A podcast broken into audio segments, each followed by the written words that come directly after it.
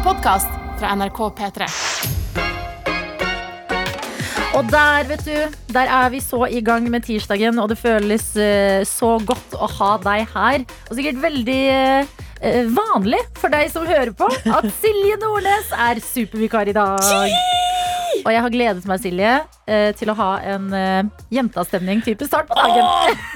Girls night, men altså girls morning. Det er det det er, og vi har allerede fått en melding fra Student-Sara som skriver God morgen, dere. Veldig hyggelig å høre Silje på morgen i dag. Jeg har tent kalenderlyset mitt og presser ut det siste jeg har av motivasjon til lesing. Ja, det er veldig imponerende tidlig oppe. Som vanlig student, Sara. Ja, Og jeg har ikke tent mitt kalenderlys. kalenderlys må noen dra meg gjennom litt. Nei, det er sånn der eh, Så jeg ser for meg at det er, sånn, eh, det er sånne store lys der du, eh, der du tenner, og så står det 1, 2, 3, 4, 5, 6, 7, 8 ned til 24 på lyset. Ja. Og så tenner du liksom noen centimeter hver dag. ja. Så jobber du deg nedover mot null, holdt på å si. Mot nullen, ja. Mot, mot 24. Ja, det er det som er kalenderlys. Du har det? Altså, jeg, jeg må innrømme at jeg hadde, den, min første brain fart har kommet allerede. Ja. Fordi klokka er 06.12. Hvorfor ikke? Fordi jeg uh, trodde Idet jeg sa at jeg ikke hadde tent mitt lys, så trodde jeg det sto adventsstakelys. Ja, Uh, og det er når man har sånn fire. Ja. ikke sant? Og det burde jeg jo ha tent på søndag, men det har jeg ikke gjort. Nei, men har du fire adventslys? Ja, ja, ja, ja. Ja. Jeg har jo det. ja, for jeg har bare masse lys, men ikke noe sånn konkret julelys. Det må du få, det. Ja, jeg må det. Men kalender har du ikke. Nei, jeg har ikke det. Jeg har vurdert om jeg skal gå for flaksen i år. Ja. Uh, og det er så deilig, for at hver gang jeg er i nærheten av noe som ligner på sånt, Ja. så er jeg så sikker på at jeg skal vinne. Og elsk. jeg begynner å planlegge. Å, skal investere i ditten og datten. Gjøre sånn og sånn. Kanskje litt veldedighet. Ja, det Ja, må til. det må så, til. så nå kan jeg holde på Jeg kan kose meg så mye med de planene om hva jeg skal gjøre med den millionen. Og så um, er jeg ikke så nøye da om man skraper fram de der tolv nissene, eller hva det er man må ha for å vinne. Ja. Det var liksom den lille, den lille planleggingsdelen som var det magiske. Ja, og den Ja. foregår jo veldig lenge i, eh, når det er kalender. Det er jo 24 dager med den følelsen. Men Shit, vent litt. Fordi jeg har aldri hatt denne flakskalenderen.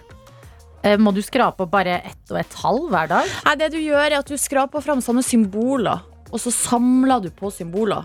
Ok, men du, du- får en ny, du får skrape mer enn liksom bare en bitte liten del. Nei, det er ett skrap i hver dag. Men så lurer jeg på om det også kan gjemme Du kan vinne. Det kan gjemme seg premie. Du, du får et symbol pluss at det er tall. Så du kan vinne sånn 50 spenn òg. Fy faderen! Leve livet! Ja. Ja, men den er ikke dum. Jeg fikk faktisk eh, jeg, jeg har ikke pleid å få eh, kalender. Vi har jo vært fire barn, det har vært litt stress for mamma. liksom styreårene Så sjokoladekalender har vært en big hit i vår familie. Ja. Eh, men eh, tidligere nå i Altså for noen uker siden så ringte mamma meg. Og nå er det jo en stund siden jeg har sett foreldra mine pga. Eh, covid. Eh, og da sa mamma sånn OK, jeg har bestemt meg. Jeg skal vippse deg 1000 kroner, så kan du kjøpe deg en kalender. Og jeg bare Nei, sorry, det klarer jeg ikke. jeg måtte takke nei. Jeg ble altså sånn Når man ikke er vant til å ha en ordentlig Hæ, sa du nei? Ja, jeg sa nei til det. Jeg ble sånn satt ut av det. Fordi Nei, men- Adelina, hva i all verden? det tenker man burde jeg bare tatt de pengene. Selvfølgelig! Faen! Du kunne ha lagd pakkekalender til deg sjøl. Ja. Jeg vet hva som skjedde. Trusa og lo- lotion og alt du trenger. Åpenbart. Ja. Nei, det gikk et eller annet gjennom meg. Så tenkte jeg nei, vet du hva, mamma, spar de pengene, så kan vi heller gjøre noe hyggelig når verden er litt bedre. Men hallo, Altså, det er en god begge tanke. deler. Ja, Og jeg blir skuffa av meg selv. 27 år gamle meg tok så mange rare valg, ass. Det er deilig å være 28. endelig voksen. Ja, men vet du hva, Silje? Jeg har gledet meg skikkelig mye til denne dagen. Supervikar, hva legger vi i det? Hvor høye forventninger har du til uh... Altså til deg, Ja. høye. Nei, det klarer jeg ikke å Ja, innfri. hallo, hvor mange år har du sittet der? For mange, vil noen si. Nesten de? Nei, ja, nei, akkurat i den stolen jeg sitter nå, sju og et halvt. Syv og et halvt. Ja, Så Ja. var det litt uh, sånn surring gate, gatelangs før det. Men altså, det jeg legger i superkar, det er jo egentlig å bare gjøre ditt beste for å uh, ja, få en sånn god start på dagen, da. Sammen med deg som er våken og hører på. Det er jo det det går i. Ja, ja, ja, jeg skal gjøre mitt beste. Dette er P3 Morgen. Som i dag er Silje Nordnes og meg, Adelina, og deg som er med oss. Og det er så deilig å se at det er eh, liv i innboksen vår. Vi har fått en melding fra baker Dagny, eh, som skriver God morgen. I dag er det 1. desember, og jeg har med pepperkaker til jobb. Håper alle får en fin start på jula. Stor juleklem fra baker Dagny. Og det er helt nydelig, da. Tenk det å starte dagen med pepperkaker som en baker har med på jobb. Men der, der har de jo litt eh, De har jo Altså, det er som å ta med seg vann til eh, bekken, holdt på å si. Ja. Fordi jeg ser for meg at de har masse bakevarer der fra før av. Ja, det vil jeg tro. Det har jo du, altså Baker Dagny har fortalt oss dette før. Ja. Det er akkurat fordi jeg har obsesset med Baker Dagny litt. Fordi øh, bakere, det virker så koselig å være det. Med sånn øh, bakehatt og sånn rutete bukser, mel på skinnet, stirre rundt og nynne litt. Og så hvis man flørter med noen på jobben, så kan man ta litt sånn mel på nesen dyrt. Eh, og akkurat sånn har jo du, Dagny, bekrefta at det er. Eh, men kanskje Kanskje det ikke er eh, pepperkakebaking er. Altså, hvis de baker eh, brød og hvetebakst, Ja. så skjønner jeg jo at eh, da må jo hun ha med seg pepperkaker på jobben. Ja, men jeg håper dere baker boller også. Ja, Altså Det går under hvetebakst, gjør det ikke det? ja det gjør det. Sånn søte bakevarer. Mm. Da blir jeg lykkelig. Mm. Men pepperkaker på jobb, det er godt uh, jobba, Dagny. Det er, der vinner du noen gode kollegas poeng, vil jeg tro. Det er veldig bra. Og så har vi eh, på snappen så er folk Der er det mye adventskalender det går i. Eh, CNC eh, Christian, han er veldig fornøyd med seg sjøl. Virka det som. Han har kjøpt 24 små flasker med konjakk. Han har det, ja. Det er hans, Det, jo, det kan du lage til deg selv. hans kalender. Um, og så, altså jeg må bare innrømme at jeg føler meg jo som ei 90 år gammel dame. Fordi jeg får ikke til den her mobilen. Skal vi se. Skjerm. Skal vi se. Og så hver gang Altså Jo, vi har en fra en som kaller seg for Hovit B. Hovit? ja. Covid-19. Nei, Hovit B. Mm. Men uansett har jeg vedkommende skriv litt stolt av meg sjøl i år, for jeg har laga verdens enkleste adventskalender. Og det her er sånn som folk kan gjøre nå i løpet av dagen til i kveld, da. Ja. Hvis man ikke har lagd noe til kjæresten eller noe sånt. Fant masse bilder fra året som har gått. Fikk de printa ut, fordelte de i konvolutter. Og har laga tre kalendere i går på ti minutter til en samla pris av 350 kroner. Oi, for en fin kalender. Veldig! fordi det å få printa ut bilder er jo eh, Altså det er jo en, ga det er en gave i seg sjøl som man har lyst på. Ja, og man har det jo på mobilen. Ja, Man har jo tatt alle disse bildene, og så bare forsvinner de litt i, den der, i arkivet. Du må Mhm. scrolle lenger og lenger opp, og så glemmer man kanskje å gjøre det. Det er akkurat det. Og så de, de bildene de forsvinner i en sky et eller annet sted, og så Ja. glemmer man dem, liksom. Og kanskje i år at man trenger det litt mer enn ellers også. Ja. Sånn, oi, shit, se, det var faktisk noen hyggelige minner i 2020 også, selv om eh, det på mange måter har vært et annerledes år. Den er fin! Den likte jeg. Eh, Jeg har lyst til å ta med Mysil Bergsprekken, som også har sendt oss melding og er inne på kalenderkjøret. Det er jo det det går i litt i dag. Det er 1. desember, så eh, det må jo være lov. Ja. Og her står det Hei, jeg hadde tenkt å ha ølkalender, men jeg er ikke så glad i å ta en øl om dagen. men så var også kaffekalender inne i tankene, men lager sjeldent kaffe. Men jeg liker å drikke det. Så det, her har det vært en liten sånn tankereise. Blir vel flakskalender, som Silje nevnte. God jul, Silje. Med vennlig hilsen Mysil Nei, god jul, Mysil. Eh, Det var, hygg- altså, det var fint å høre hele den tankerekka. Og det, det kan man gjøre, og så eh, er det ikke så nøye hva man ender opp med. P3. 1. desember her i P3 Morgen, hvor det er eh, Silje Nordnes og jeg, Adelina, som starter dagen med deg i dag. Og ikke minst produsent Line, velkommen tilbake på jobb. Tusen takk. Du har vært i Trondheim, Det stemmer. men nå er du tilbake her. Yes. Did you drive home for Christmas? Nei, jeg tok eh, fly, altså må jeg innrømme det. Hvordan er det om dagen? Det er litt, eh, Man merker nå at folk ikke drar på unødvendige fritidsreiser, sånn som jeg åpenbart har gjort. Ja. Så det er, det er litt tommere i flyene. Det går heller ikke så veldig bra med Norwegian, har jeg hørt rykter om. Fordi jeg fikk en snap av en venninne her om dagen som var sånn Plutselig var uh, juleflybilletten hjem eh, avlyst. Oi. Og da Ja. lurte jeg på sånn eh, Altså hva, ha, De har jo ikke gått konk, men, Nei, men det er har de kutta ned? Ja, fy faen. Ja, det jeg, er har, rart. jeg har sett at det er flere, flere flytur som har blitt eh, kansellert og flytta på. Min personlige tur hjem til Trondheim, hvor jeg jo da egentlig bor, Ja. Eh, til jul er også blitt endret på. Ikke bare én, ikke to, men tre ganger. Ikke Så nå sant. venter jeg i spenning. Eh, hva blir det egentlig til i desember der? Kommer du deg hjem til jul? Forhåpentligvis. Det blir en thriller. Jeg gleder Ja. meg til å følge den. Men det er godt å ha deg tilbake på jobb, særlig i dag, den 1. desember. Jeg oh, elsker ja. starten av desember, og det er det flere av dere som gjør. Fordi vi har spurt hvilke kalendere eh, går dere for i år, og vi har fått en fin melding her fra noen som ikke har med navnet sitt, men skriver Jeg har fått julekalender av mamma med et visdomsord. Ord for dagen i hver luke. Jeg føler meg som Akaya i Jul i Svingen, hvis dere husker den. Fantastisk eh, julekalender. Eh, og så står det videre Dagens ord, det er Det er den som går seg vill, som finner de nye veiene. Ja, det er litt godt å tenke på. Og det var litt sånn Ja. spirituelt og Ja. deilig. Ja, fin kalender, det. Veldig. Ja. Ja, det minner meg om faktisk en kalender som jeg fikk en gang. Eh, Jeg er oppvokst i likhet med deg, Adelina, uten pakkekalender. Eh, Min mor mente dette var noe tull og tøys. og Å pakke inn 24 små duppedingser, som hun sa. Og jeg hatet henne veldig for det den gangen. Jeg var ikke enig i denne, i denne tåpelige planen hennes, men nå er jeg helt enig, faktisk. Ok. Eh, Jeg kommer ikke til å gi pakkekalender hvis jeg selv får barn. Men kommer du til å gi noe kalender? Ja, det, det tror jeg at jeg gjør. Eh, og den, kanskje den fineste kalenderen eh, jeg har fått noen gang, som jeg nevnte nå innledningsvis, er eh, Min kjæreste ga meg en gang en um, lappekalender. At han pakket inn da 24 små lapper, og så fikk jeg én lapp hver dag, og så sto det noe hyggelig. Og det kunne Åh. være sånn eh, Når du kommer hjem, skal vi spise fiskekaker til middag. Det her var eh, noen år siden da jeg bodde i utlandet. Ja. Så det var liksom, jeg åpna en lapp hver dag. Og jeg sparte på alle lappene. Eh, vi er ikke sammen lenger nå, eh, men det var veldig hyggelig.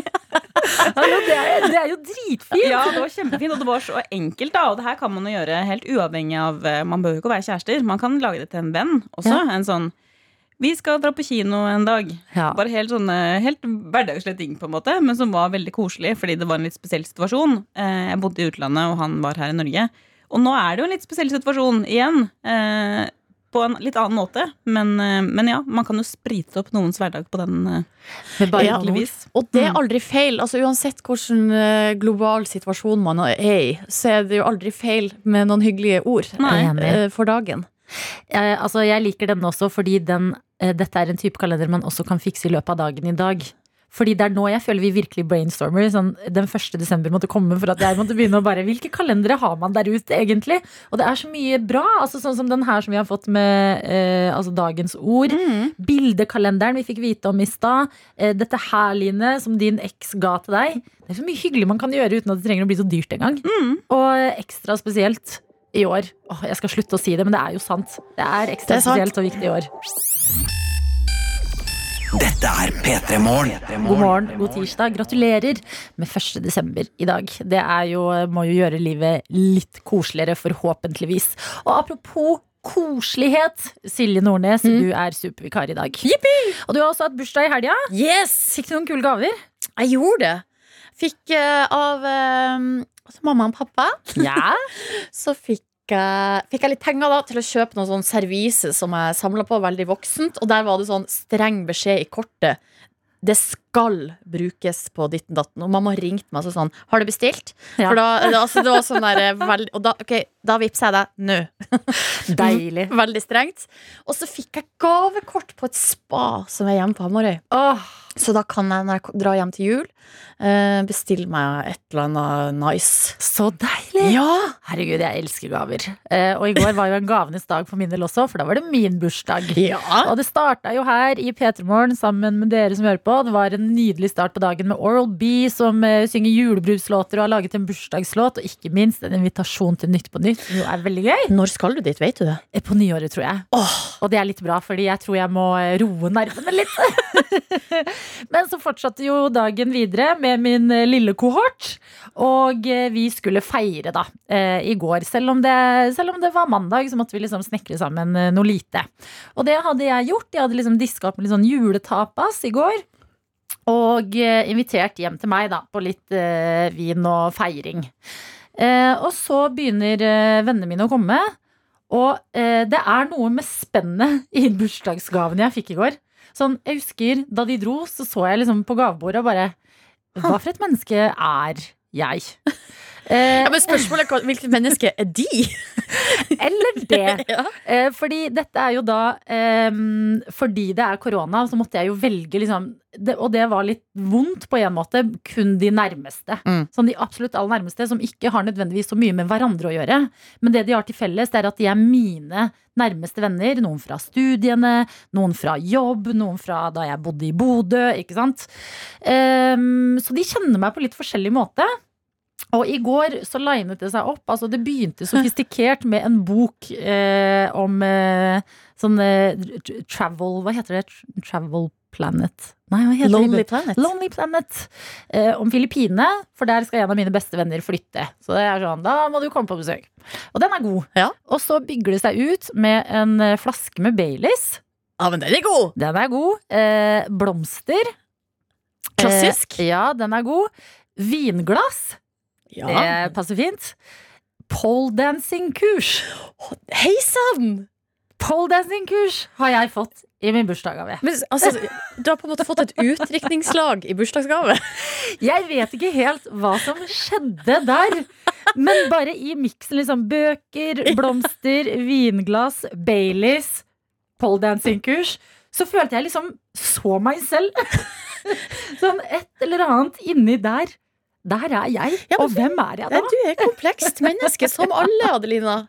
Når er poledancing-kurset? Ja, Det må jo være når ting åpner litt mer opp igjen. For det, kan jeg, det var eh, ikke sånn konkret eh, gavekort på ett sted. Det var sånn vi skal på poledancing-kurs. Hvem var det du fikk det fra?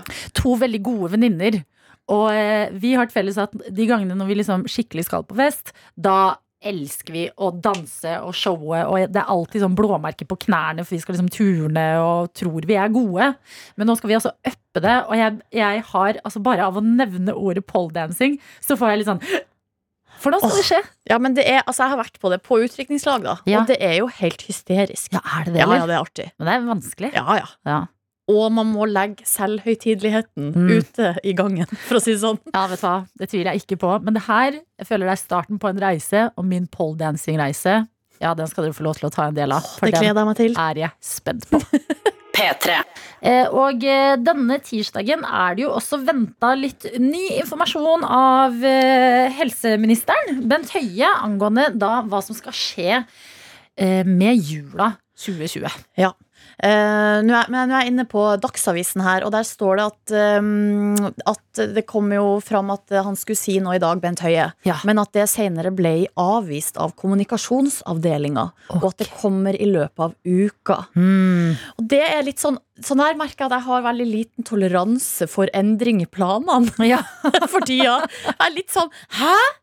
Hæ? Nå har jeg, vært, nå har jeg forberedt meg mentalt ja. på at Bent Høie skulle si det i dag. Ja, for det, det er jo Også- det vi går rundt og liksom venter litt på. Sånn, da er det pressekonferanse, fortell oss siste nytt. Og så er det sånn Avklaringen vil komme i løpet av uka, men ikke tirsdag får NTB opplyst. Og så i løpet av uka? Det kan ikke jeg forholde meg Ja, til. hva kan det være, da? De kan jo ikke plassere det på en fredag, på en måte. Her de blir det kanskje jo- torsdag, da. Men um, det må jo, altså, det, uansett, det som ble sagt, var jo at det skulle komme nå såpass tidlig, da, sånn at folk eh, rekker å planlegge. Det er ikke noe vits å komme med de rådene uh, 20. desember, på en Nei. måte. Nei, ikke sant? Fordi da har man veldig Da, da må man planlegge Man må vite hvor mye ribbe og pinnekjøtt man skal ha i Absolutt. hus. Men de har jo bedt oss allerede ha en sånn plan B-jul eh, Ja. i bakhodet. Og det har jeg liksom tenkt litt over hva kan bety, da. Fordi plan B-jul, og liksom sånn når eh, jeg snakker med venner som, har, som skal feire jul med besteforeldre eller sånne ting, bor i andre deler av landet, som er litt sånn hva om jeg ikke kan reise hjem til jul, så er jo det faktisk en realitet man kanskje kan måtte forholde seg til i år. Ja, eh, jeg har faktisk en plan B. Ja. Altså Plan A er jo da at jeg skal hjem til Hamarøy. um, og tenker at det er en slags nødvendig reise, all den tid jeg bor eh, alene her i Oslo, liksom, og har ikke noe familie her heller. Eh, har bestilt billett tidlig eh, for å unngå liksom verste utfartsdagen, og ser for meg at det blir sånn eh, ta det, altså det går jo nesten ikke an å ta det mer piano enn jeg allerede gjør det, da. Men vær veldig forsiktig eh, uka før man skal reise. Og også ta det ja, igjen, da. Jeg vet ikke hvordan det går an å ta det mer piano enn det jeg bruker å gjøre i, i jula, men det blir jo liksom ikke noe Skal ikke fære og surre rundt på bygda, liksom. Nei, ikke sant? Men hvis det nå skulle skje noe, at noen blir syk hjemme, eller at jeg må banke i bordet skulle legge til å få noe snufs, eller noe sånt, så har jeg da Jeg har en venninne, altså bestevenninne, barndomsvenninne med sin familie som bor her på Østlandet. Eh, der, og der er min plan B. Ok, Ja. Det er jo helt nydelig. Så det er avklart, liksom. Det liker jeg. Eh, Ja. Fordi jeg husker det var eh, en jul jeg måtte jobbe i Bodø. Og da var jeg eh, veldig det var, Da var det ikke pandemi, men jeg var på en måte den som hadde begynt sist på arbeidsplassen. Og de andre skulle ha ferie, så jeg fikk julaften fri, og så måtte jeg komme opp neste dag. Eh, og da husker jeg liksom at eh, da var jo jeg 24 år gammel sikkert. Eh, bodde der, kjente ikke så mange, hadde ikke bodd der så lenge. Ingen familie i Bodø. Alle vennene mine skulle på sånn andre juledagsfest hjemme Ja, ja, i ja. Sarpsborg. Hele den regla der. Og da husker jeg liksom sånn hvor mange på den jobben som bare var sånn Ja, men du kan jo komme på middagsbesøk til oss. Altså, du, På julaften, liksom. ja, hvis hvis det ender opp med at du må jo- jobbe jul, da jobber du jul, og så kommer du til oss etterpå, og så spiser vi middag. Og det syns jeg er så fint sånn her at eh, før det så har jeg alltid tenkt på jul som en sånn veldig sånn lukka familiegreie. At jula det er familiens høytid, og man ser kanskje ikke hverandre så mye i løpet av året, og det er veldig fint å komme hjem og liksom få catcha ordentlig opp da.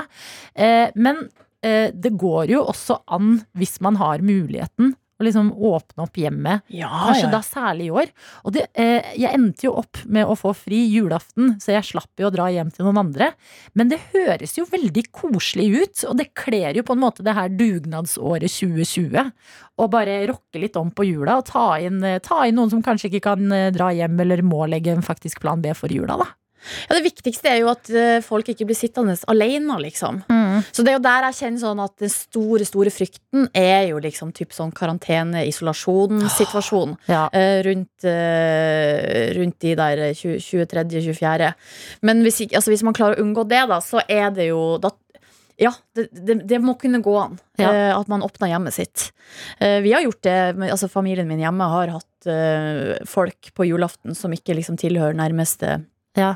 eh, familie, liksom. Og det har vært suksess. Ja, ja, ja. Så hyggelig! Det er jo litt gøy da med noen utenfra som bare kommer og liksom endrer litt på alt. Ja, og flere rundt bordet. Vi hadde liksom eh, For jeg hadde en fiolinlærer eh, fra eh, Bulgaria. Og de hadde med seg Altså, nå kan det hende jeg blanda minner, men sånn som jeg husker det, så hadde vi noen sånn kålruletter noe sånt, som var på en måte en slags eh, add-on til den vanlige ribbemiddagen. Ja. Som de hadde med seg. Det var jo helt sant? rått. Det er jo det man må huske. At når man får flere på middagsbesøk, så blir det også mer mat. Så det kan være en god ting, Ja! dette her, for å si det sånn. P3 Morgen. P3morgen. Sammen med Silje Nordnes og meg, Adelina. Og du, Silje, du er quizmaster i dag. Uff, ja, skal prøve på det. Og det er en julekalenderquiz det går i på denne 1. desember. Passende nok. Og med oss har vi deg, Marit Anita. God morgen. God morgen, god morgen. Gratulerer med 1. desember. Kan vi nesten si Jo. det? Takk likeså. Ha, har du pakkekalender? Eh, nei, jeg har flaks. Flaks er bra, ja. Ja. Eh, har du skrapa dagens første luke? Nei, det har ikke jeg rukket. Ok, Da Ok. krysser vi fingrene for at det blir eh, bra symbol, og kanskje noe cash allerede i dag. Å, fy fader. Ja, det hadde vært veldig, veldig digg. Hvis det ikke blir premie i flakskalenderen i dag, så kan det bli premie her i quizen vår som handler om eh, julekalender i dag. Hva er favorittjulekalenderen din? Snøfall. Snøfall. Den er god. Ja, den er veldig fin. Ok, Det er eh, Silje som har snekra sammen quizen, og jeg spør deg, quizmaster, er du klar? Jeg Er klar? Og eh, Marit Anita, seks spørsmål skal du få. Fire riktige er det du trenger. Er du klar? Jeg er klar. Da kjører vi quiz! Klar. Ja, mine damer og herrer, velkommen til dagens quiz. Det er 1. desember. Vi har Marit Anita på Sortland med oss på tråden. Og eh, dagens tema det er julekalender. Kalenderquiz. Marit Anita, vi bare gønner på med første spørsmål. Ja. Og det passer bra, eh, og det er helt tilfeldig, eh, men her tror jeg du har en fordel. Hva heter hovedkarakteren i Snøfall? Selma. Det er helt korrekt. Første poeng er inne. Så eh, går vi videre. Hvor feira Linus og vennene hans jul? I Svingen. Åh, Margarita, du er god. Hva heter eh, plassen, altså stedet, som rødnissene og blånissene er uenige om? Blåfjell. Er det ikke det? Hva er jo eh, eh, Rødnissene blader eh, blånissene med om? Det var noe du ikke var forberedt på. Jo, eh, det noe sånn kroner eller noe sånt? Nei! Dessverre, Marit Anita, denne må du få stryk på. Ja, for det riktige svaret er Månetoppen.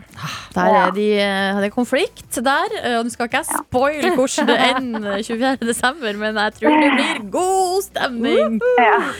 Neste spørsmål er en uh, lydoppgave. Og det her er en slags uh, Skal man kalle det en slags bit for bit-variant. Vi vil at du skal fortsette låta. Du får høre et lydklipp.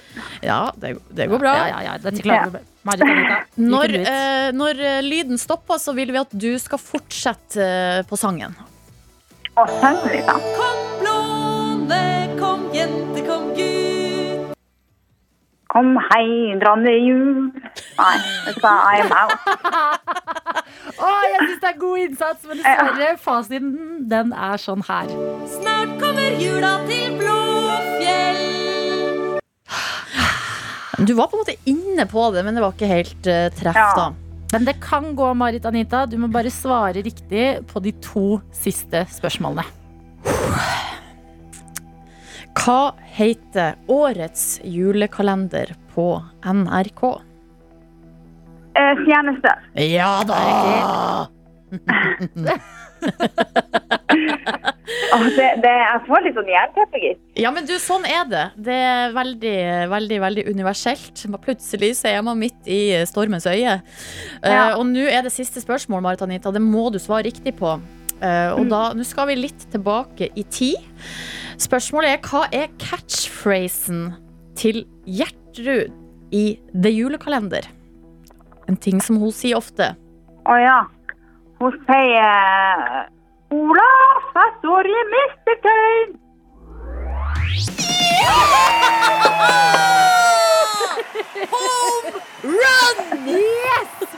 Der er du god, Marit Å, fader, og det var veldig perfekt lagt opp. Skapte litt spenning i midten der, og så bare dro han inn. Det er, yes. er, det er Northug-rykket. Ja, det er ja, ja. perfect, og du klarte det. Og det betyr at uansett hvordan det går i din eh, flakskalender i dag, så har du i hvert fall fått en premie. Du har fått to, faktisk. En P3 Morgenkopp Ja, og en bamse. Her, og nå slutter ungene å mase på at jeg skal melde meg på, for da har jeg gjort det. Ja! Deilig. Vet du hva? Hvor mange unger har du? To. To. Da skjenger vi på to bamser. Så blir det god stemning i, Åh, i heimen. Det var hyggelig. Ha en nydelig dag, eh, Marit Anita. Hva skal du forresten Takk, i dag? Du, jeg skal på jobb. Du skal på jobb. Hva jobber du med da? Jeg jobber som lærer. Åh, ha en nydelig dag på jobben, og takk for at Takk du var med på quizen. P3. Tre. må vi prate litt eh, med deg, supervikar Silje Nordnes, om eh, det kalaset, kaoset Vanskelig å finne riktig ord for for å beskrive. beskrive Fest! Eh, for, eh, altså Maskorama, Mm. som du jo eh, leder på NRK hver eneste lørdagskveld. Det må jo være det mest sette TV-programmet på TV akkurat nå. Jeg tror det.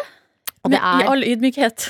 med god grunn, for å si det sånn. Fordi fra start så klikka det. I hvert fall i min vennegjeng. Og jeg føler det er den nye snakkisen. Før var det sånn ok, hva skjedde i Orderud-saken? Nå er det ok, hvem er elgen? Og det er jo litt hyggeligere. Eh, Det er liksom en koselig, et koseligere mysterium å fordype seg i. Absolutt. Det tenker jeg da. Og det er jo, jeg tror det er litt av liksom um, En av faktorene som gjør at eh, det har blitt så stort som det har blitt, da, er jo at det er, det er jo et mysterium som trigger nysgjerrigheten veldig. Men så er det jo Det er liksom bare gøy. Ja. Det er liksom eh, Ja, så har man jo skjønt da nå, egentlig fra start, at alt kan skje. Ja, absolutt. At det kan være alle Altså når uh, Trygve Slagsvold Vedum dukker opp der, så er det sånn Nå, ok. Ja, Det er der lista ligger. Greit. jeg er så spent hver eneste lørdag, og jeg går altså Jeg kan virkelig gå rundt og liksom lure på hvem trollet er. Det kan gnage litt sånn jeg minst aner det. Men hvordan er det Fordi du står jo midt oppi alt sammen. Altså, du må jo ha dine teorier. Ja da. Ja, ja, det har man jo. Uh, men det er veldig gøy, fordi at uh, det er jo, de er så sinnssykt strenge, da, uh, de rundt. Og de få som vet det. De, altså det der, der vi er, da, der har eh, alle crewet har jo sånne kort. Og, da har, eh, og der er det rett og slett en kode. Så de som har hvite kort som det står crew på, de vet det ikke. Hæ. Og så er det noen få som går rundt med rosa kort. Oh, shit. Og de vet det. Og så har vi fått beskjed, ganske streng beskjed om å ikke drive og spekulere i kulissene med hverandre. Altså alle, alle sånn jeg og panelet og, og alle, for alle de andre òg vet jo heller ikke. Altså lysfolkene og filmfolkene og, og det er jo veldig fristende å drive og Ja, ja, ja. Men så har vi fått beskjed om å ikke gjøre det, og da blir jeg sånn her ja altså, jeg, skjønner, jeg skjønner ikke hvordan du Du kan jo faktisk bare gå inn når elgen er på do, på en måte. Nei, men det kan jeg jo ikke, fordi jeg får ikke lov å bevege meg fritt. Ja, fordi er det like strengt? Du var jo her rett før dere skulle ha premiere, og da var det sånn, ok, eh, hvis, eh, hvis deltakerne må på do, for eksempel, eller fraktes fra et rom til et annet, så er det sånn svarte kapper, masker, ikke snakk til meg. Mm. Er det fortsatt superstrengt? Ja, ja, ja, ja, ja. Veldig. Og her eh, for to uker siden, da var jeg på do på et tidspunkt, og så fikk jeg ikke komme ut av do. Nei. Fordi da var det noen utafor doet. Og så måtte jeg stå der noen minutter, og så kom, fikk, plutselig så fikk jeg sånn Nå kan du komme! Mm. Og da vet du, så da kommer man ut av do bare sånn Rett på forstørrelsesglasset. ja. Men klarer du å legge det fra deg? Altså, du står jo virkelig midt oppi det. Klarer du å liksom komme hjem og bare ja, ok, eller er det rett bort i vinduet og begynne å liksom undre videre på hvem de andre er? Nei, så den kverna går jo hele tida. Og så blir det jo også eh, hjelp, hjulpet videre av at, sånn, at folk vil snakke om det også hele tida. Og mamma ringer meg sånn Åh, ens ærend for for å fortelle sine teorier. og liksom sånn der eh, taxisjåførene og det er liksom Alle har lyst til å prate om det. Ja. Men så vet jo ikke jeg egentlig så mye mer enn en det vi alle vet. Og det er egentlig litt bra. ja, men blir du påvirka av at alle har egne teorier? Ja, ja, ja, ja det gjør man jo. Og så, kan, og så låser man seg fast på ett navn, og så kommer det noen plutselig dragende som et nytt. Så er det sånn Ja. ah, Ja. Å, fy søren. Jeg kan ikke skjønne at du klarer å ha den jobben uten å bare bryte deg inn på noen av garderobene og finne ut av det. Men Ja, det er bra. Det, kan, er så pinlig. Ja. Så får sånn her, Silje, ærlig talt. Hvor gammel er du? Det, det, det jeg ser for meg nå, det er sånn scene hvor du kommer hjem, og så har et barn bare funnet godteskuffen og bare gått crazy. Og det er sånn sjokoladepapir og søl overalt. Så bare Jeg klarte ikke mer. At noen liksom åpner døra til si, ja, si elgen, da. Og der bare er det glitter, gull, deg som står liksom med hodet til hvem enn det er, og bare Jeg fant ut av det. Endelig. Jeg klarte det. Ah. Jeg gleder meg allerede til lørdag, Ja. Jeg er veldig glad for at jeg ikke vet det, fordi jeg blir så redd for sånn eh, Altså slip of the tongue, liksom. Mm. For at eh, i Kampens hete der så går det går veldig fort, og det liksom Man slenger ut navn og Så jeg tror hvis jeg hadde visst det, så hadde jeg vært så redd for at jeg bare plutselig bare skulle si det. Ja. Du vet sånn der, eh, Og det, altså en gang så kidnappa vi ei venninne til en bursdag. Mm. Og bind for øynene, og vi dro henne med oss rundt. Og vi dro henne rundt såpass lenge at hun begynte å bli litt irritert. Ja. For at det, er jo ikke noe, det er liksom ikke så gøy når alle andre rundt deg altså du, ja. Tror, Det var flere timer hadde vi henne i munnbind. Ja, så vi skulle forvirre henne skikkelig da. Og så, rett før vi kom dit vi skulle, så bare sa jeg det. Nei! Jo, Ok, Jeg tror det er veldig greit at du ikke Ja. vet hvem de er. det tror jeg også. Men på lørdag det er det ny runde. Jeg gleder meg så utrolig mye. Ja, det er fire stykker igjen nå. Fire stykker. ja. spissa seg til. Ja, har du noe, er det noe du vil dele med oss mens du er her? Det er hemmelig. Nei, nei, nei. nei, nei, Petremorne P3 Morgen. P3morgen. Eh, Nå har de i Forsvaret et eh, undertøysproblem. Ok. Stor sak i går. Eh, NRK.no har eh, skrevet om det, og det handler om at eh, de har fått noe slags sånn bestillingsproblem i Forsvaret som har endt med at de har nå for lite undertøy. På lagrene sine. Ja. Så nå har de innført et midlertidig tiltak, som da er at alle som dimitterer, altså som slutter i Forsvaret, mellom nå desember 2020 og august 2021, altså det neste halve året, Ja. så må de, når de slutter i Forsvaret, så må de levere tilbake undertøyet som de har brukt. Og da ligger det jo med der eh, at de som begynner i Forsvaret i samme periode, da kan få eh, brukt undertøy. Ja. Og det er det da nå eh, noen tillitsvalgte i Forsvaret som reagerer på. Skjønner. Som syns at det er ekkelt, og osv. Eh, og det som er eh, Bare ta med litt sånn eh, bakgrunnsinfo her. At litt sånn greia her eh, er at eh, de, de, Det de frykter, da, hun her fra eh, til, tillitsvalg, hun tillitsvalgte, er at da skal soldatene, fordi de syns det er ekkelt, bruke privat tøy. Private truser, for eksempel Ja. eller sokker. Det som er greia med det, er at hvis de er ute på felt eh, og får yrkesskade, la oss si de får frostskade eller et eller annet sånt, Mm. så får de ikke erstatning fra Forsvaret fordi de, de ikke da har brukt eh, Forsvaret sitt tøy. Hvis de bruker privat tøy. Hva? Mhm. Oi. Eh, så det er noe som ligger da i Det er noen forsikringsgreier, da. Så rart at det kan gå på det. Eller sånn kan man ikke ha et lite unntak? Nei, Sånn, at jeg, lurer, ops. jeg lurer på om det, det er nok en, en ganske sånn grei regel å ha, at Forsvaret liksom dekker alt eh, Ja. hvis du blir skada eller whatever. Men da, da, er, da bruker du det vi har, på en måte. Ja. For da eh, kan man forsikre seg om at det, alt det soldatene har på seg, har et visst nivå. Ja. Liksom. Ja. Men da må jeg jo spørre deg, Adelina, hadde du syntes det vært ekkelt å ha på seg brukte truser? Um, ja, fordi jeg begynte å tenke med en eneste gang. Ja. Brukte truser høres så ekkelt ut. Mm. Og det er liksom sånn eh, Jeg er jo glad i å handle brukt, men akkurat på undertøy, der pleier jeg ikke å slå til. Men så begynte jeg også å tenke, er ikke Forsvaret litt sånn Er det et sted du skal få brukte truser, så er det kanskje i Forsvaret. Ja. Fordi du skal jo faderen meg så veldig mye annet som virker ganske hardt, det også. Eh, for oss som bare har sett eh, filmer og TV-serier og hørt fra venner om hvordan det er å være i Forsvaret. Sånn gå lenge ute midt i natta med lite mat, bære på tung sekk. eh, Ja. Folk i liksom troppen din blir slitne. Sånn, er brukte truser så ille når man setter det i forsvarskontekst? Nei, Jeg tenkte, noe- jeg tenker det samme, hvis, jeg tenker det samme hvis du er i helvetesuka, liksom. Ja. Eh, så er kanskje det at trusa di har vært brukt før, det minste problemet. Ja, nettopp! Ja. Nei, altså, det, og det er jo ikke snakk om at de skal få skitne truser. Eh, altså, de skal jo vaske trusene. Jeg tipper jo, altså Hvis det her er Forsvaret sine truser, og de er sånn eh, gode, hvite bomullstruser, så kan jo de kokes på Ja. 90 grader. Og da er det jo egentlig Da er det bare tanken som er ekkel. Sånn brukte truser, æsj. Men hvis du hadde vært i den situasjonen og fikk ut Du kommer til Forsvaret, så får du utdelt klær. Mm. Ville du Se for deg det. Eh, se for deg den der, eh, den der disken i førstegangstjenesten, der han gutten står og deler ut eh, våpen til hun Tanja, liksom. Ja, I den disken der, der står du. Ja. Ville du da eh, Altså Ville du likt å få beskjed om trusa du får er brukt eller ikke? Eller, tenkt eller skulle man bare tenkt at, man, at det er et slags lotteri? Eh, ja, der spør du godt, ja.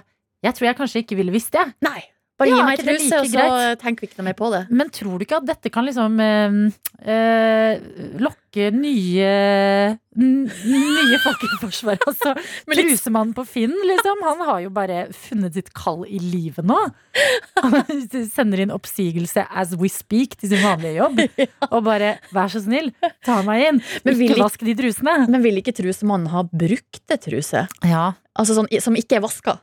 Ja, det er det, da. Jeg lurer på det. Mm. For det finnes jo Det er jo, det er jo en business, det. Eller det finnes folk som selger brukte truser som er ikke vaska da, på nett, Ja. til folk rundt omkring i hele verden. Men kanskje dette er det siste tabuet innen sånn uh, brukt tøy? Ja. At alt er sånn eh, kjøp, brukt, eh, sy om, spar. Altså bomullsindustrien, hvis det er bomullstruser der, er jo ikke akkurat uh, veldig, veldig uh, miljøvennlig. Sånn at eh, Kanskje må- brukte truser må skje? Vi må bruke dem til de faller sammen. Hva tenker du? Nei, altså jeg er litt sånn der eh, at eh, En del av meg tenker sånn Å, det er jo litt nasty. Men så samtidig så er det sånn men, ja, Er ja. Så nasty. Hvis man er på sykehuset, de kjortlene som du får der, er de er også brukt. Og det er på et sykehus, liksom. Ja, vet du hva. Jeg, nei, vet du hva. Brukte truser. Det, Det høres eklere ut enn det er, tror jeg. P3. P3.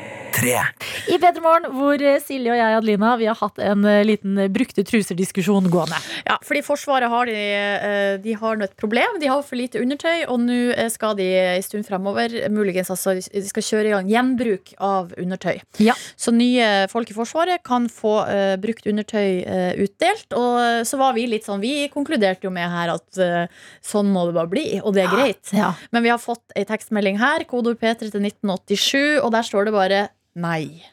Nei, nei, nei. Brukte trusa i Forsvaret. No, no, no. Har vært i Forsvaret. Nei takk. Alt som er inntil huden, får man beholde. Av en grunn.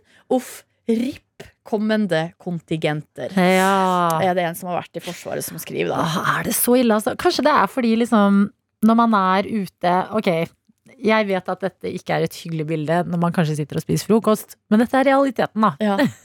Kanskje sånn at når man er ute på helvetesuke og ting, så eh, må du gå med de samme trusene veldig lenge. Mhm. At det du tar av deg til slutt, er liksom Det er ikke, det er ikke sånn dagligdags bruk av truser, det er liksom litt eh, Litt brukt, da, for å si det sånn. Eh, Det kan være noe med det. Ja. Og så kan det jo også hende at når ting er så utfordrende, så er den trusa på en måte halmstrået du kan Ja. klamre deg fast i. Det er jo noe av det nærmeste du har. Ja, den er i det minste liksom min. Ja. Kanskje, ja, men ingen har spurt hvordan det er for de som skal gi fra seg trusen og gjøre det. Det Tenk så mye de har vært igjennom. det, vet du hva? Hvis man først skal, så tenker jeg det som hadde vært litt koselig, er å få litt sånn personlig brev fra den du arver trusene til. En liten hilsen, Ja. ja. hei, hei, dette heter jeg. Denne trusa, den hadde jeg med meg da og da. Lykke til. Eh, Du kommer til å klare det kjempefint. Oh, det er en veldig god idé. Det Ja. gjør det litt mer hyggelig. Ja, fordi jeg skjønner at det høres ikke noe digg ut. Eh, men altså, når det er trusekrise Så er det trusekrise. Fy faderen, nå slo det meg. Det er det vi er i Norge akkurat nå. 1. desember, og vi har en liten trusekrise i Forsvaret. Og egentlig er ikke det den beste type forsvarskrise å ha, når man tenker seg om. Dette er P3 Morgen. P3morgen. Og det vi skulle bli sittende og prate om i dag, det var brukte truser. Ja. Og det syns jeg er spennende, fordi det er altså i Forsvaret det har skjedd at det er en liten trusekrise. eh, Og eh, det er manko på nytt undertøy, som vil si at de som dimmer nå fra jul av til neste august Altså, de må eh, donere undertøyet sitt til nye folk i Forsvaret. Ja, de leverer det inn igjen, så blir det vaska og delt ut på nytt. Og det som er litt interessant her, er jo at um, her har vi fått tekstmelding, eh, kodeord P3 til 1987, fra en som skriver var inne i eh, 2012, og da var det samme ordning, og det var ikke et problem. Så hvorfor er det plutselig et problem nå, åtte år etter? Er ungdommen blitt mer ømfintlig, stilles det spørsmål om her. Og så er det en annen som skriver Jeg har jobba fire år i Forsvaret. Klærne som leveres inn, de renses så godt at de er minst like rene som når de er nye, før de leveres ut igjen. Slutt å syte, begynn å yte. Eh, og så er det en annen fastlytter her som også har vært i Forsvaret, eller som har hatt sommerjobb på lageret til Forsvaret. Ja, det er spennende. Ja, nå får vi inside info. Yes. Uh, og eh, vedkommende skriver at uh, for noen år siden fikk nesten alle brukt kroppsnært, som ble vaska på vaskeri, og at det er ganske nytt, da. At det man har aller innerst, altså truse og sokker og sånt, at man får det helt nytt. Mm. Så det her er jo Det er veldig interessant, fordi at litt sånn av bakgrunnen for denne saken er jo at det var en stor sak på nrk.no og stor sak på VG. Eh, for det er jo da en tillitsvalgt for de eh, som jobber i Forsvaret, eller de, som, har, som går ut og sier eh, at det her er ikke bra nok, liksom. Ja. At ikke de som kom begynn i førstegangstjeneste, ikke skal få nytt undertøy. Så, så det, vi kan enda med forventningene her. Det kan, man kan tydeligvis ikke forvente nytt undertøy i Forsvaret. Nei. Ja, det er jo Men jeg synes jo sånn den, eh, har, Nå blir det veldig mye forsvarsprat, for jeg synes jo det, det er på en måte like interessant, den prinsipielle diskusjonen. Det, hva, hvordan forholder man seg til å bruke brukt undertøy? Mm. Jeg blir ikke klok på det her, fordi for min del, men det er jo veldig vanskelig for meg å si som ikke har vært i, i Forsvaret. Men så tenker jeg sånn, ja ja, hører det nok i Forsvaret. Om det er ett sted, så burde det jo være i Forsvaret at man kan eh, være litt raus på Mm. den fronten. Men igjen, da, kanskje akkurat i Forsvaret er stedet hvor man trenger eh, ha litt ekstra behov for eh, helt splitter nytt, eh, varmt og godt undertøy. Ja. Men eh, det kan hende at også ungdommen har blitt for omfintlig. Men er det ungdommen som klager, eller er det tillitsvalgt som har gått ut? Fordi altså eh, er ikke jeg tror, Hvis man gjorde det her i 2012, og det gikk helt fint, da er det vel ikke et eh, Jeg har ikke sett liksom eh, fakkeltog mot brukte truser blant folk som skal inn i Forsvaret heller. Nei, altså, det er jo det er Kanskje jo, de det angår, har det helt greit med det. Det kan godt hende. P3. P3. Du hadde tenkt på noe? Ja, jeg har tenkt på noe, fordi um, jeg har lurt litt Altså, det er jo eh, det er nok ikke den eneste som har tenkt på det, da. Men det er jo da uh, hvordan det siste året har eh, Altså hvordan det påvirker oss, og om det forandrer oss eh, mer enn vi kanskje er klar over. Og eh, så lurer man jo på om det blir permanent. Det er jo sånn klemming, skal vi slutte å klemme? Alt det der. Det tror jeg ikke, da. Vi kommer til å klemme som om uh, det er vår siste dag på jorda. Den dagen vi får lov. Når Nakstad sier 'ut og klemme', skal jeg bare ok. Åh. ok Men så, altså, var vi så vidt inne på det i stad når vi snakka om sånn jula og julaften, og at eh, det er jo bare å altså, Hvis man kjenner noen som eh, man vet kanskje blir sittende alene på julaften, så er det jo bare å invitere inn. Ja. Eh, og så har jo liksom nordmenn har et litt sånn Vi har jo et rykte på oss for å være eh, litt kald og liksom, kanskje vanskelig å komme inn på på et eller annet vis. Eh, men jeg har hatt en slags følelse det siste året på at, som, at, at Eller det siste halve året, da, kanskje. At det er noe som er i gjære. Uh, og at vi, det er noe som skjer med oss. Eh, vi er på vei til å bryte ut av eh, skallet. Og jeg ser for meg Grinchen nå, når han, liksom får, en så, når han får et illebefinnende. Så, og så rister han litt i kroppen, og så er det egentlig at han kjenner at hjertet det. Banka, ja! Ja. Fordi altså, i sommer så skjedde Det var to eksempler i sommer som jeg hang meg veldig opp i. Eh, og det handla jo ikke nødvendigvis om på en måte hjertevarme og medmenneskelighet, men det handla om at det skjer Altså sånn ehm, at vi, det, det skjer mer gøye ting da på et eller annet vis, midt oppi en sykt kjedelig kjedelig periode. For jeg var altså um, ute en lørdagskveld, og det var i den korte perioden det faktisk var åpent til tre, da, uh, uteplassene. Ja. Går gjennom en park i Oslo sentrum, og der har noen eh, med seg Kiwi-handlevogn. Uh, oppå der er det et skateboard som ligger opp ned, uten hjul. Oppå der er det sånn turntables. Uh, og så er det svære uh, høyttalere. Og så var det rave. Hæ? Det var rave-party Igjen. i parken! Yes. Og de folka som var der, var det mest randome sammensetninga av folk, liksom. Ja, ja. Det var så Det var veldig, veldig, veldig spesielt. Ja. Og da kjente jeg sånn Er jeg i Berlin, eller? Hva skjer nå? Ja. Hva skjer med oss? Og så litt senere, da var jeg faktisk i den samme parken. Jeg vet ikke om det er noe med Og det var sånn på dagtid. Masse unger leker og sånn. Og da er det altså to fyrer i bar overkropp og ei litt eldre dame, ganske mye eldre, som danser sånn merengue og salsa Oi. til en iPad. Ja. Skjønner du? At man kanskje gir litt mer faen. Ja, gir Ja. fullstendig faen. Og så i høst så har jeg Eller kanskje litt mer faen enn vi gjorde før, da. Ja. Og så har vi i høst hatt en sånn treningsklubb med venner ute i, uh, i en park. Ikke den samme parken. For en park. ja. uh, men fordi man kan være ute, man kan ha kjempestor avstand og alt mulig sånt. Uh, og så en gang så, så er vi der, og da er det liksom venner og venners venners folk, liksom. Alle har en slags tilknytning. Og så kommer det ei jente forbi, og så stopper hun og så sier hun sånn Hva driver dere med? så jeg sa Nei, vi trener. Når da? Så sa jeg, så nei, hver, eh, hver onsdag halv seks. Og så sier hun sånn Hva koster det? Så sier jeg sånn, Nei, det er gratis. Og så sier hun sånn Kan jeg være med? Hæ? Er ikke hun der et barn? Nei, kan jeg være med? Nei! Det var, nei, det var altså, kunne være eh, mellom, eh, mellom 20 og 30. Å ja, ok. Ja, så hun er liksom bare nysgjerrig. Så hun Ja. bare ble med. Og bare det, det, det føltes der og da så unorskt å Mm. gå forbi en gjeng, og så spør du sånn Kan jeg være med? Ja. Men og så vi alt- bare Ja! når alt er i unntakstilstand fra før, altså når folk liksom trener en gjeng ute i parken, så tenker jeg da er det bare å slenge seg på på Ja! en måte også. Men ja, det er litt fint, fordi jeg føler at liksom ofte at man går og skal bry seg om sitt. Eh, i, uh, i dette samfunnet vi lever i. Litt sånn, sånn som før, på noen sånn ikke sett deg ved siden av noen på bussen. Litt sånn, du, du, er i din egen boble. mm. Men kanskje nå at man liksom bare skjønner at um, det er ikke så farlig å trene litt i parken eller danse litt salsa til en iPad. Eller sånn. Gjøre det du vil da, Ja. ute blant folk også. I baris, til og med. Ja, hvorfor ikke? Ja. Ja, så men hva lander vi på da? Nei, jeg Når tror, den der pandemien er over? jeg tror noe er i gjære. Ja. Altså det er, og det, det er veldig, jeg synes det er veldig artig å følge med på. For jeg tror det her, her er det noe potensial.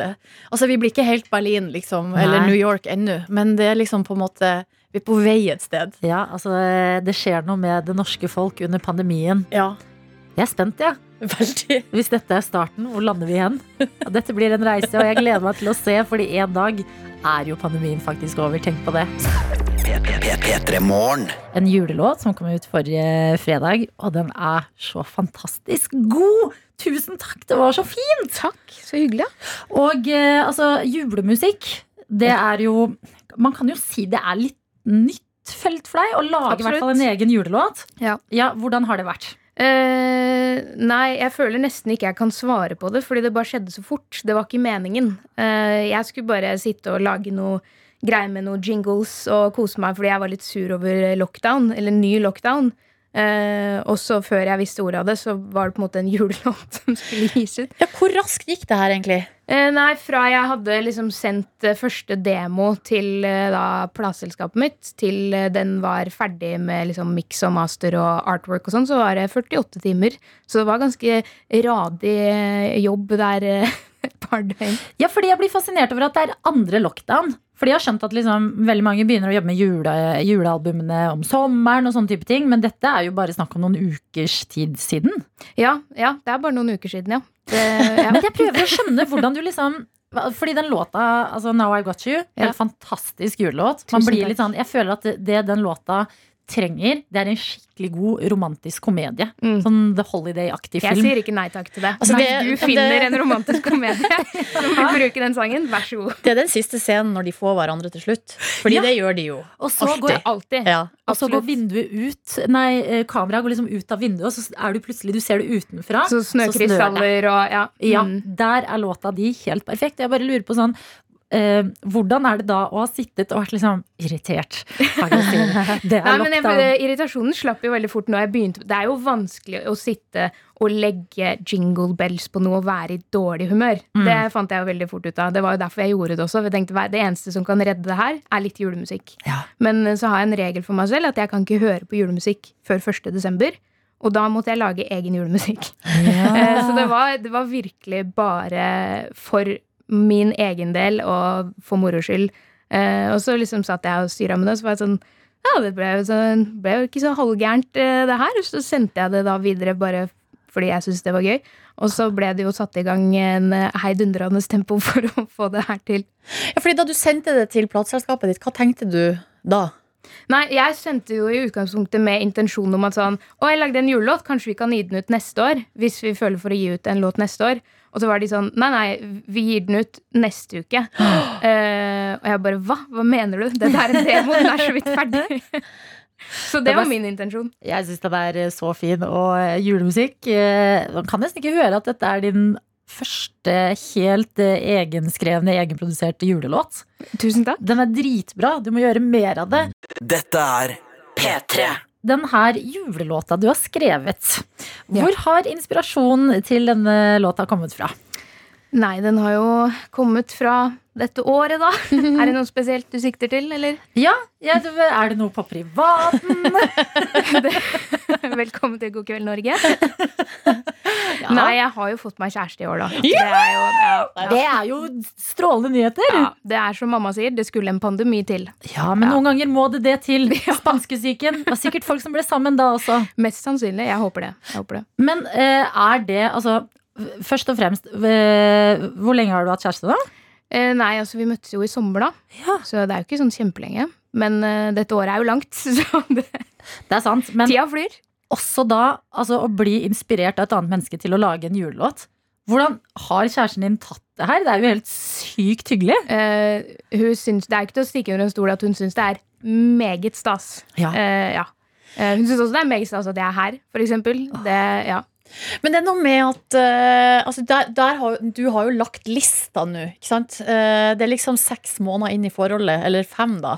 Så får hun, uh, så får hun sin egen låt, Ja, på er et litt, vis. er litt tidligere, det du fikk Nei, nei, nei, nei, nei, jeg sier ikke det tidlig, men jeg bare sier her har du litt å leve opp til. Ja, sånn, ja. ja. Fader, det hadde ikke jeg tenkt på. Ja, fordi- her, ble, her går det bare nedover herfra. Neste jul må det bli et album, liksom, og så må du bygge det ut med et show. Eller så blir det sånn eh, Eller så blir det, Du må faktisk lage 24 låter. Eh, Så blir det da kalender, Julekalender, Ja, til neste år. Så det bare begynner. Ja, det er gode ideer. Men eh, eh, altså, det er jo veldig koselig da, at noe Ja, godt eh, har kommet ut av dette året. Altså, hvordan har det gått egentlig med deg i 2020? Eh, nei, det har jo egentlig gått overraskende bra, syns jeg. Det ikke, jeg tror ikke jeg er den som har hatt det verst. Eh, jeg skulle jo gi ut album, eller jeg ga ut album, men jeg hadde ikke rukket å planlegge en turné, eller booke en turné.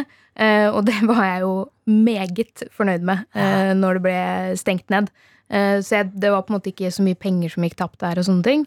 Eh, så jeg fikk ja, I starten så hadde jeg noen måneder på å fullføre album, og det var litt sånn Ok, men nå har jeg ingen unnskyldninger for å ikke fullføre albumet innen deadline. Så det var liksom greit. Da gikk tida med til det, og så skulle var liksom litt sommer, og så skulle jeg slippe album. Så det har liksom gått ganske ett allikevel, da. Ja. Uh, og prøvd å ja, Jeg har egentlig bare tenkt at når jeg ikke kan være ute og spille, så må jeg heller være i studio og lage så mye musikk som mulig, om det er min musikk eller uh, skrive for andre, eller ja, hva det nå måtte være. Bare lage mest mulig. Ikke sant? Det høres ut som du er kreativ tross eh, pandemi.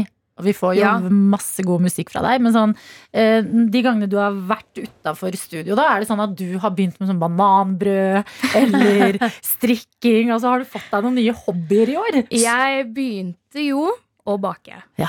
Eh, Men det var i starten. Men ikke sånn der eh, Hva heter det, sånn, sånn surdeigs som Ja, folk dreier med? du var ikke en av de surdeigsfolkene? Nei. eh, For det syns jeg det ble for meget.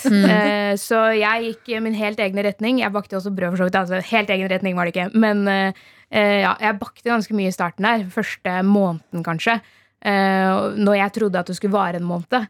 Men når jeg innså at sånn, dette blir resten av året, så la jeg fort ned det bakeprosjektet. Ja. Ja. Hva gikk det i da? Fant du liksom en sånn ny spesialitet som er Eh, Ja, det var liksom prøve å lage sånn eh, Eller eh, brød med inntrykk av at det var steinovnsbakt i vanlig ovn. Mm. Det var noe jeg eksperimenterte litt med. Ja. Eh, inspirasjon fra Jamie Oliver. Jeg liker det. Og det er nydelig. Men du har begynt med et eller annet nytt? Noe annet som Ja. ikke er med baking å ja, det er veldig nylig, da. Eh, jeg, eh, ja, jeg fikk meg en ny hobby her for et par uker siden. Så det er veldig rart. Du har laga en julelåt og fått en ny hobby. Faen, det går i ett, altså. Åh, ja. Nei, altså jeg var med min bror eh, som hadde kjøpt eh, en sånn stor iPad som er Altså det er jo som en TV, liksom. Og han bare Se, jeg har kjøpt denne med penn, som man kan tegne. Aldri likt å tegne i hele mitt liv. Så viste han noe greier han hadde lagd, og jeg bare Men kan dette være så vanskelig, da? tenkte jeg. kan jeg få prøve? Og så ble jeg hekta. Så jeg satt liksom flere timer om dagen i en helg da, med han og bare syntes at dette var så gøy. Så nå er jeg litt sånn Fader, jeg må kjøpe iPad i julegave til meg sjøl, tror jeg. Ja, Det og er, eh, tegne på den? Ja, det er sånn, sånn, sånn, sånn digital tegning, liksom. da Eh, Yes. Så tenker jeg sånn, Kan man lage egen merch, for eksempel? Er ikke det gøy? Men ja. Men du Eh, er, ja. vet du hva? du er så selvplukk, føler jeg på en måte. I alt du gjør. Jo, men altså, du produserer jo musikken din selv, Ja. skriver alt selv. Nå kanskje begynne å designe din egen merch på din ja, egen iPad. ikke? Du er Altså- vandrende konsern. Ja, Matilda det er drømmen. Matilda Ink er faktisk drømmen. Det, det, når jeg var litt yngre, så tulla jeg veldig med kusina mi om at sånn, en dag skal vi ha Matilda Ink. Ja. Ja. At, vet du hva, den dagen den Det mangler bare litt merch her nå, så er vi, er vi Men nå kom jeg på noe helt annet. Altså, uh, fordi da, Nå så jeg for meg at du skulle kjøpe sånn tatoveringspenn og begynne å tatovere folk hjemme. Uff, nei, det skal jeg ikke Med- gjøre. I motiv du sjøl har Nei, nei, tegna. nei, nei. Melder du deg frivillig til første tatovering? Vet du hva? Ja. Oi, ok, ja Det begynner med iPad. Vi begynner, vi begynner der, og så, og så ser jeg ringer deg, Silje. Hvis det P-traksjon 2021. Matilda, jeg er veldig glad for at eh, du, eh, du kjenner på kreativitet, også i 2020, for det får vi så utrolig mye fin musikk av. Så tusen hjertelig takk for at du kom til P3 Morgen i dag på selveste 1. desember. Så Det var så nydelig. Så eh, nei, takk igjen for det der. Med Martin og Adelina. Vi har fått en melding, Silje. Ja. Kodord P3 1987 av Elektrikeren som skriver Julekalender fun facts dag én. Oi sann. Visste du at det her skulle skje? Ante ikke. Ja, Det er jo helt rått! Ja, vi har en julekalender her i P3 Morgen. Eh, håper vi da, elektrikeren, at dette ikke bare er en endagsgreie, men at vi får en ny fun fact hver eneste dag. Ja, han har, her, du har bundet deg her nå. Ok, her eh, står det på den første, i den første luken i innboksen i dag, så står det i løpet av hele livet så bruker du hele 43 dager på å være satt på vent når du ringer kundeservice. Dette kommer frem i en undersøkelse utført av Research Now. Interessant. Kan det stemme? Ja, det lurer jeg også på. Fordi jeg ringer jo aldri kundeservice. Nei, man fikser det jo liksom ofte på nett nå. Ja, ellers er det sånn her eh, Det kan jo være eh, en litt eldre undersøkelse. Nå skal vi ikke problematisere faktaene dine, elektriker, men Eller jo, det skal vi faktisk. Du sa fun fact, og vi bare ja, men eh, sånn som nå, så kan man jo legge igjen nummeret sitt, og så ringer de opp igjen. Det er sant. Men vet du hva? Jeg har gjort, det har jeg gjort, og det, har jeg, og det er sånn der, den følelsen når det skjer. Altså, du vet, sånn, Ring til sånn skatteetaten eller et eller annet. Står litt i kø, og så er det sånn Ja, du kan legge igjen nummeret ditt. Så bare OK, da gjør jeg det. Mm. Men så da, når man blir oppringt av et fremmed nummer, så har jeg opptil flere ganger avvist. Ja. Altså i en sånn Ikke tenkt meg om sånn herre eh, telefonselger, nei. Mm. Og så bare Shit. Og da må man jo gjøre det på nytt. Ja, vente må, på nytt ja, igjen. så man vente i timevis. Men kan de ikke ha som regel å ringe opp to ganger? Ja, det syns jeg òg. Ja, sånn når man først har vært i den ventelista, ring opp en gang til. da Kanskje jeg var opptatt akkurat da. Men vet du hva jeg har lurt på? Eh, nå er jo jeg 28 år gammel. Jeg lurer på når den der telefonskrekken min skal gå bort. Fordi hvis det er et nummer som jeg ikke vet om, som jeg ikke har lagret, som ringer meg, og jeg er på mobilen, Mm. da stopper jeg. jeg. Og så ser jeg på mobilen, og så bare venter jeg til det er ferdig med å ringe. Hva, eh, Og så 1881 er nummeret. Ja, jeg har litt den samme, den samme refleksen. Men det som jeg også noen ganger har, som er mm, litt, irriterende, er at jeg blir så nysgjerrig. Ja. Så jeg sitter og ser på det romnummeret, og så blir det sånn jeg klarer ikke å vente! Så jeg må, hallo! Og så er det jo som oftest telefonselger. Ja. Så um, ja, jeg vet ikke. Men jeg vet ikke, når går den bort? Jeg tror kanskje Hvis du er sånn, så tror jeg kanskje ikke den går bort, dessverre. Nei. Ja, jeg har gravd meg i et lite hjørne her. Men det gjør jo ikke noe. Nei, altså jeg har det bra, jeg. Ja. Så ringer jeg opp igjen og bare 'sorry, jeg var i et møte'. Blir mye løgn, da, men det er sånn eh, Det er sånn løgn som er lov, på en måte. Og jeg har lyst til å ta en tekstmelding som vi har eh, fått, eh, kodeord P3 til 1987. Fordi det, pass, altså, det føyer seg inn i en sånn Jeg føler at det har blitt et slags tema her i dag. Vi har snakka masse om adventskalendere og julekalendere. Ja. Og så har vi sn også snakka en del om det her med å liksom gjøre eh, fine ting for andre. Og om eventuelt uh, muligens den situasjonen som vi er inne i nå, altså globalt, da snakker jeg om pandemien selvfølgelig, er med på å tvinge tving det fram på en måte enda mer. Og at det muligens også er med på å forandre litt sånn eh, oss nordmenn. Vi er så vanligvis så redd for å bry andre, tror jeg. Ja. At man liksom bare tør nesten ikke å Nesten som man ikke tør å gi en gave, for man er redd for om den som tar imot gaven, blir, ikke vil ha den. Ikke sant? Ja, og så har vi jo snakka en del om Plan B jul, Ja. som vi i løpet av uka skal få vite mer om. At det kanskje kan være en veldig hyggelig ting, liksom. Å Mm. rokke litt om på jula, og ta inn noen mennesker som kanskje ikke kan dra hjem i år. Ja. Så har vi fått tekstmelding fra Tonje her, eh, og nå skal vi inn i adventskalenderland, for hun skriver god morgen. Jeg bor i ei tietasjes blokk, og i går kveld så teipa jeg på ytterdørene til alle i min etasje. Og til tre andre ytterdører i blokka. En flakskalender til hver. 50 kroner per eh, kalender. Kjøpte syv stykk. Kunne ikke kjøpe til alle i blokka, men håpa de som får, liker det. Og jeg forventer ikke noe tilbake. Å, Altså, Men se altså, den følelsen av å komme Enten sånn hjem fra en lang dag på jobben, eller liksom være på vei ut døra, fordi, og du har ikke vært ute ever fordi du er på hjemmekontor, og du bare Ja. eh, Du skal ut og ta ut søpla, for Ja. eksempel. Ja. Og så henger det en flakskalender på døra. Det er så sykt hyggelig. Ja. Hallo, men jeg kan relatere nesten. Kan du? Ja! Fordi i går så skjedde det noe så hyggelig i mitt uh, nye hjem. Jeg har jo ikke blitt ordentlig kjent med naboene mine ennå, selv om det skal sies. Jeg flytta ned fra femte etasje, hvor jeg bodde før, ned til andre etasje. Jeg, jeg har liksom koll på bygningen, men jeg kjenner ikke så godt folka som bor der. Uh, men da jeg kom hjem i går skulle inn i leiligheten min etter å ha vært uh, ute på jobb og ute og kjøpt litt uh, bursdagsgaver til meg selv, selvfølgelig. Selvfølgelig. Så kom jeg til døra, og der hang det en pose. Og da tenkte jeg at dette er sikkert noe mamma har sendt, eller eh, en eller annen levering fra noen veldig nære venner, da. Eh, og så tar jeg den posen, og så eh, ligger det en vinflaske oppi. Ja, og der er det også et kort. Og da står det 'Gratulerer med dagen'. Hilsen naboene dine i femte etasje. Nei. Karoline og Nikoline. Nei! Jo! Og jeg bare, jeg, vet du hva, jeg ble så rørt, for jeg tenkte sånn Herregud, jeg bor i et holdsomt nabolag.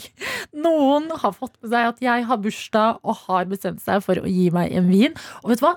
Det er så sinnssykt hyggelig. Sånn at å gjøre en bitte liten ting, en koselig ting for en nabo, Ja, fy fader, det burde vi gjøre mer av, altså. vi burde det. Ja, fordi det er eh, å, Det er så fint, og kanskje det er det man skal når vi sier sånn her Ja, er vi i ferd med å forandre oss litt i natten? Dytte oss til å bare henge opp et flakslodd om ikke annet på døra til en nabo. Ja. Hvorfor ikke? Hvorfor ikke, nei? Syns det er fint, jeg. Ja. Shit. Tenk så enkelt. Man kan liksom glede andre. Gråt du i går da du fikk den gaven? Nesten. Er P3 Morgen. Og det er så koselig å starte selveste 1. desember sammen med deg som er våken og med oss den tirsdagen, fordi akkurat nå så skal det endelig skje. Vi skal få live julemusikk her hos oss. Det skal vi få av deg, eh, Matilda. Splitter ny, helt fantastisk god julelåt som heter Now I've Got You.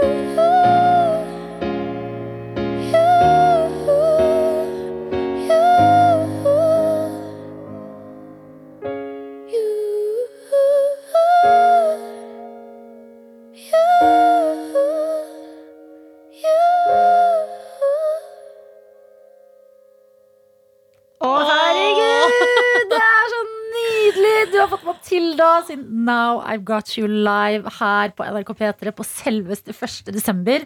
Og nå kjente jeg det. Julestemninga, den bobler. Den, Den- den kommer sigende. Å, det er deilig! Du har hørt en podkast fra NRK P3. Hør flere podkaster i appen NRK Radio.